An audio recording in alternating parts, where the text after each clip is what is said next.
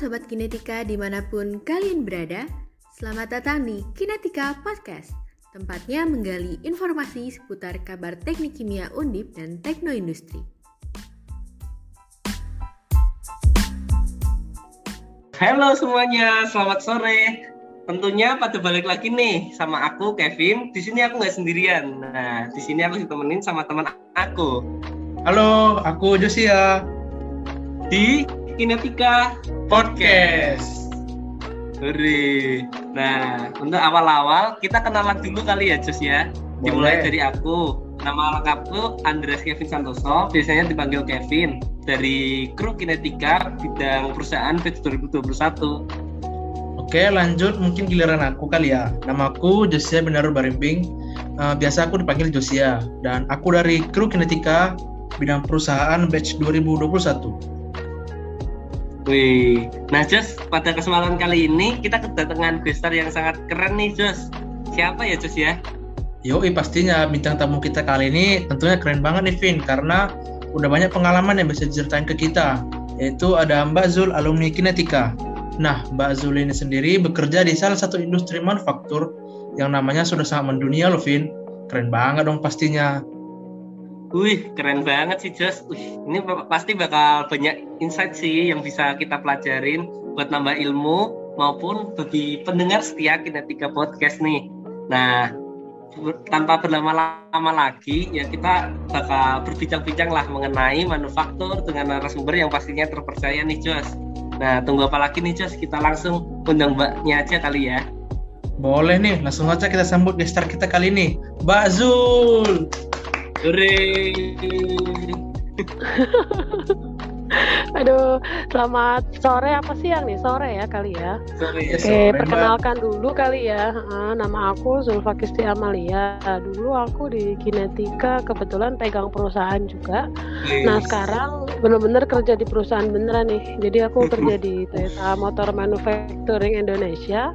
Eh, selama kalau dari 2012 berarti sekarang genap 10 tahun kali ya Iya, dan Mbak. memang ada beberapa bagian yang udah ya dikit-dikit lah tahu gitu ya mungkin nanti kita bisa cerita-cerita aja kali ya jadi dari pandangan orang yang sudah sebagai praktisi sama teman-teman yang dari mungkin bisa dibilang apa ya klinis kali ya yang tahu teori gitu mungkin lebih pinter dari aku nanti kita sharing-sharing aja oke Nah, mungkin kali ini kita mau bahas mengenai manufaktur yang tentunya selalu Mhm. beres dalam kehidupan sehari-hari kita nih. Nah, mungkin aku mau tanya dulu nih, Mbak. Mbak kan bekerja di perusahaan Toyota nih, di mana perusahaan tersebut uh, pastinya bergerak di bidang manufaktur. Kalau boleh tahu nih, Hmm. Mbak, apa yang jadi latar belakang atau motivasi Mbak untuk bekerja di bidang manufaktur tersebut? Hmm. Aku pernah dapat jokes gini, beberapa kali bekerja eh, di bidang lain ya, tapi selalu nggak masuk gitu. Dan aku coba review lagi apa gara-gara aku lahirnya 1 Mei gitu ya, jadi harus jadinya buruh gitu ya. Nah, itu joke, itu jokes aja sih. Cuman memang aku tiga kali ganti perusahaan sebelumnya. Jadi sebelumnya aku sempat di industri yang cukup besar ya, industri kertas eh, dan tisu. Uh, kemudian aku pindah di perusahaan yang lebih kecil lagi tapi engineering procurement construction ya jadi dia semacam oil and gas tapi itu ada di apa ya Singapura gitu ya. Dan project-projectnya ada di Bangladesh juga gitu. nah untuk yang terakhir ini ketika aku pindah ke Toyota memang pertanyaan dari atasan aku yang sebelumnya adalah are you sure to leaving oil and gas? gitu.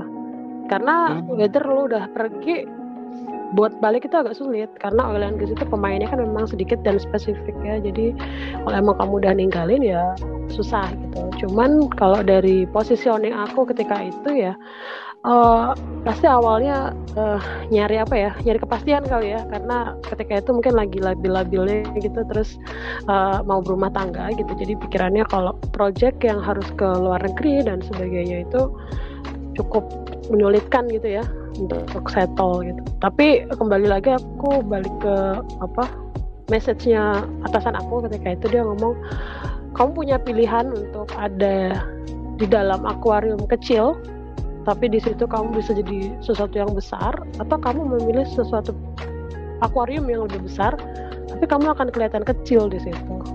Dan Indian mungkin aku milih Toyota gitu yang notabene mungkin aku anggap sebagai akuarium besarku ya. Nah, tapi di situ aku punya kesempatan untuk berenang dari satu sisi ke yang sisi lain gitu. Jadi maksudnya hmm. experience aku bisa lebih berkembang sih. Itu itu pilihan ya.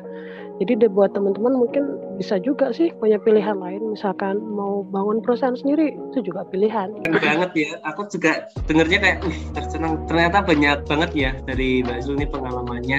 Hmm, ya, pasti ini dari teman-teman pendengar podcast Kinetika nih pada kepo-kepo juga nih tentang perusahaan yang memang saat ini sedang kerja gitu. Khususnya Mbak Zul kan sedang di manufaktur.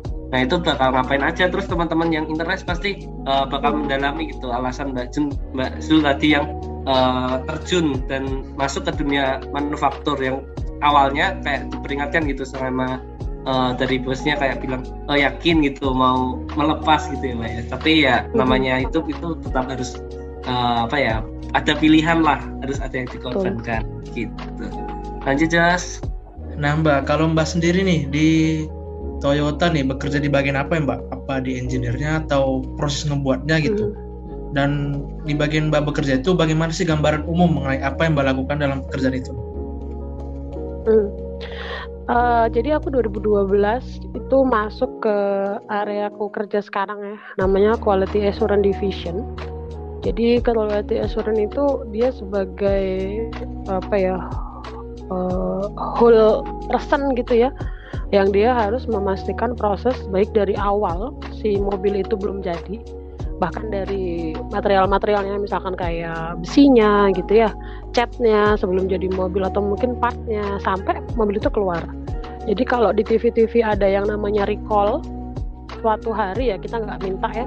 Cuman kalau sampai ada permasalahan di mobil yang kita keluar orang pertama yang diciduk itu pasti atasan aku jadi general manager aku karena dia orang yang bertanggung jawab untuk whole quality assurance si kendaraan dan dia apa ya sebagai uh, penanggung jawab lah gitu.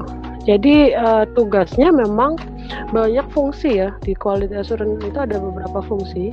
Baik itu yang fungsinya ngurusin soal internal audit dalam arti kita ngecek mobil itu 10% dari yang keluar setiap harinya itu kita cek baik dari bodinya, baik dari driving ya itu kita cek, atau dari sisi project, di mana dia harus jalan katakanlah berapa ya 20.000 km atau 10.000 km sebelum mobil itu dijual sebagai mobil yang bisa digunakan.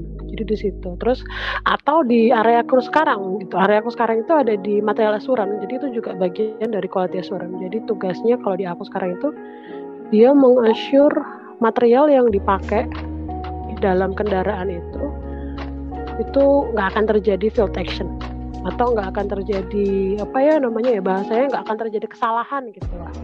Nah yang dikerjain apa sih mbak? Kok kayaknya namanya keren gitu, tapi nggak tahu apa nanti setelah ceritain beneran keren atau enggak gitu ya. Jadi tugas utamanya sih tiga ya. Jadi kita punya yang namanya tripilar ya. Kira-kira kurang lebih maaf kalau terlalu teknis ya. Cuman yang pertama kita harus jelasin soal uh, function control gitu ya. Jadi kita ngontrol material yang akan dipakai di kendaraan. Baik itu dari besinya, catnya, lemnya, karena itu juga ada material-material chemical ya. Di mana kebetulan aku lagi ada sebagai uh, leadernya di situ ya. Terus ada satu lagi yang namanya uh, critical part. Nah si critical part itu kayak semacam basing atau catnya gitu ya biar nggak karat dikasih apa kemudian weldingnya yang ada di supplier ya part-part kecil-kecil itu. Gimana caranya mengaudit supplier biar suppliernya itu nggak keluar dari apa yang kita requirement kan misalkan oh kalau ada proses ini lo harus ngerjain ini loh kita ngecek ke suppliernya. Bahkan kita develop si supplier itu biar punya auditor. Nah yang ketiga nih setelah kita pastiin tadi materialnya oke okay, partnya oke okay, terakhirnya di area material itu dia harus tanggung jawab kalau misalkan ada suatu problem terkait dengan material. Kita panggilnya itu FME jadi failure mode analysis. Nah kalau di kepolisian dia kayak forensiknya gitu loh. Jadi nanti hmm. kalau misalkan nih Kevin beli mobil. Apaan sih? Mobilnya kagak dingin nih. Terus Kevin datang ke uh, pihak dealernya. Saya mau minta diganti AC-nya nih mobilnya nggak dingin Nah, nanti kalau AC yang diganti atau mungkin nanti part lain yang diganti misalkan cooler atau pipingnya yang di dalamnya itu nah nanti part itu bakalan sampai nih ke saya.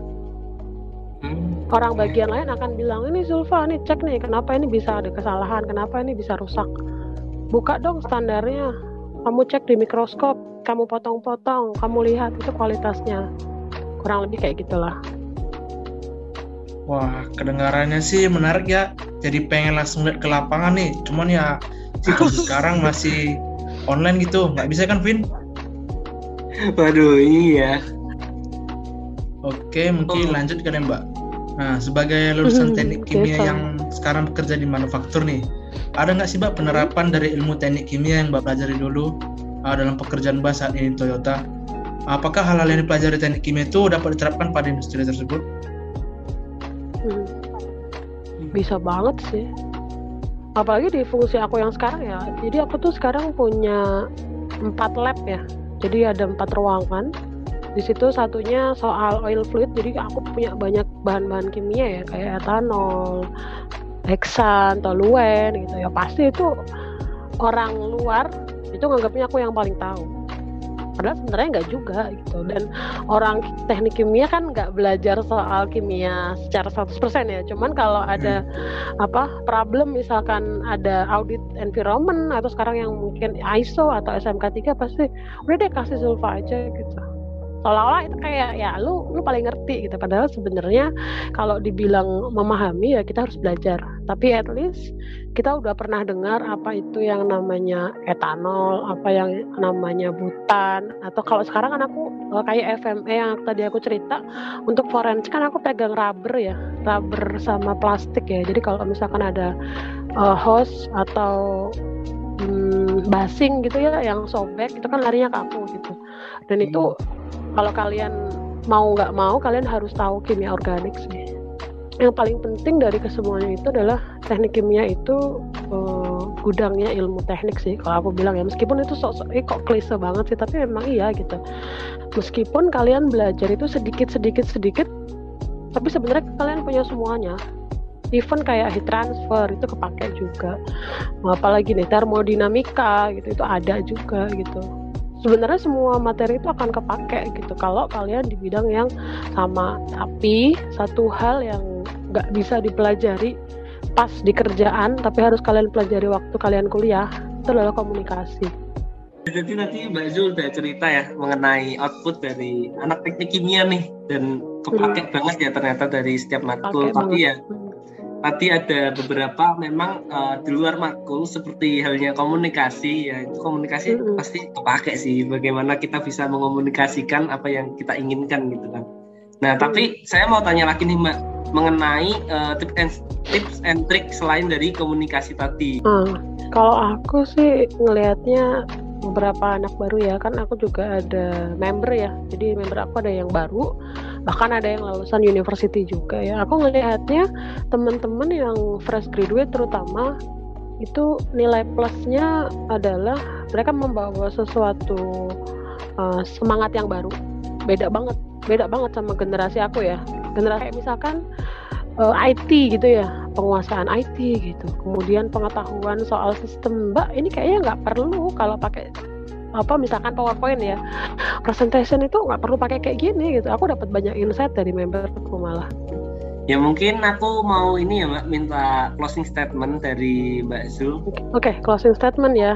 Dari aku sih intinya buat teman-teman yang lagi belajar sekarang jangan pernah berhenti belajar buat mencoba hal-hal baru. Karena dari situ nanti kalian bisa tahu apa yang kalian inginkan dan apa yang kalian butuhkan. Kalau dari masa kuliah kalian belum bisa mengenali apa yang kalian inginkan dan kalian butuhkan takutnya tersasar nanti ketika di dunia kerja gitu ya. Jangan sampai satu hari kalian bangun di pagi hari dan kalian ngerasa aduh aku berada di pekerjaan yang salah atau aku bahkan berada di bidang yang salah dan kalian nggak bisa tarik balik itu gitu. Itu sayang banget hidup kalian gitu dan akhirnya menyesali diri sendiri. Kalian nggak respect pada kehidupan kalian. Gitu aja sih Oh, baik, terima kasih sekali lagi ya Mbak karena sudah menyempatkan hadir pada Kinetika Podcast kali ini. terima kasih juga untuk Mhm. ilmu-ilmunya ya Mbak. Uh, stay safe dan stay healthy Iya. Mbak Zul dan teman-teman Kinetika semua. Masih sehat-sehat ya kalian ya. Semoga cepet offline.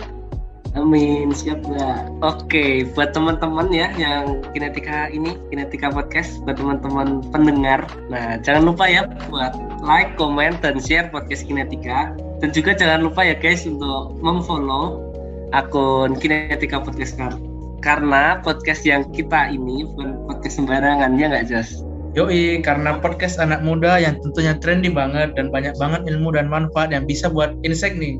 Jangan lupa di like, share, dan wajib banget follow Instagram maupun Spotify Kinetika ya. Aku Kevin, Dan aku Josia, kami pamit undur diri.